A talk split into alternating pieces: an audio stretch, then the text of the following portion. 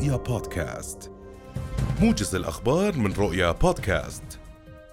موجز الأخبار من رؤيا حياكم الله. يواصل مجلس النواب خلال جلسة يعقدها في هذه الأثناء مناقشة مشروع قانون الموازنة العامة للسنة المالية 2024 حيث تحدث في الجلستين السابقتين 27 نائبا.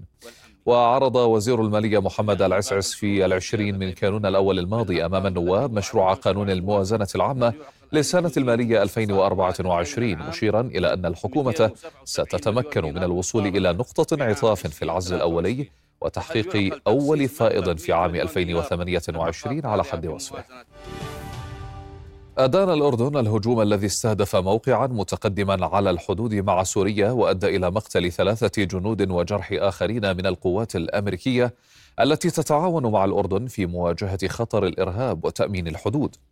وأعرب وزير الاتصال الحكومي الناطق الرسمي باسم الحكومة مهند بيضين عن تعازي الأردن للولايات المتحدة بضحايا الهجوم الذي نفذ بطائرة مسيرة وتمنياته للجرحى بالشفاء.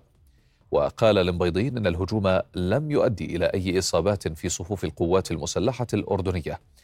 هذا وأكد أن الأردن سيستمر في مواجهة خطر الإرهاب وتهريب المخدرات والسلاح عبر الحدود السورية إلى الأردن وسيتصدى بكل حزم واقتدار لكل من يحاول الاعتداء على أمنه.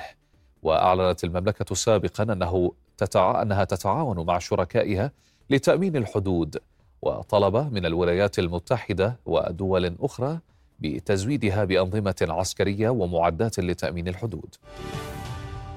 استشهد شابان فيما أصيب آخرون بالرصاص الحي خلال مواجهات مع قوات الاحتلال الإسرائيلي في بلدة دورة جنوب الخليل.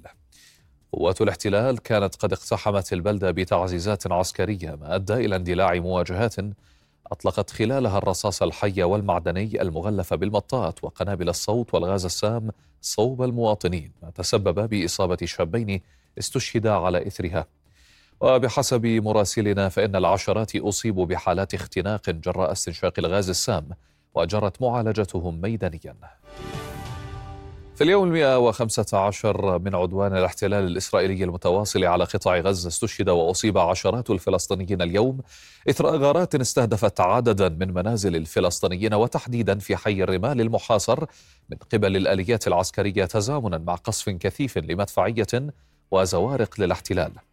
وقالت وكالة الأنباء الفلسطينية أن طيران الاحتلال الحربي قصف على الأقل خمسة منازل في حي الرمال بمدينة غزة مما أدى لاستشهاد وإصابة عشرات الفلسطينيين فيما تواجه مركبات الإسعاف صعوبة في الحركة للوصول إلى الإصابات والشهداء وسط قصف مدفعية ومسيرات للاحتلال كلما يتحرك على الأرض. كما قصفت مدفعية الاحتلال مدرسة تابعة لوكالة غوث وتشغيل اللاجئين أونروا تؤوي نازحين في حي الرمال مما أدى لاستشهاد عشرة فلسطينيين على الأقل. عشرات المستوطنين يتجمهرون أمام هذا المعبر في محاولة منهم لمنع شاحنات الإغاثة والمساعدات التي تدخل عن طريق معبر كرم أبو سالم للدخول إلى قطاع غزة المحاصر والذي تدور به معارك وحروب منذ 115 يوما. يذكر أن هؤلاء المستوطنين يتواجدون منذ أكثر من أسبوع على بوابة هذا المعبر لمنع المساعدات لمنعها من الوصول إلى قطاع غزة ويؤدون صلوات تلمودية أمام المعبر أيضا في محاولة منهم لمنع المساعدات. وصلنا لختام هذا الموجز في أمان الله.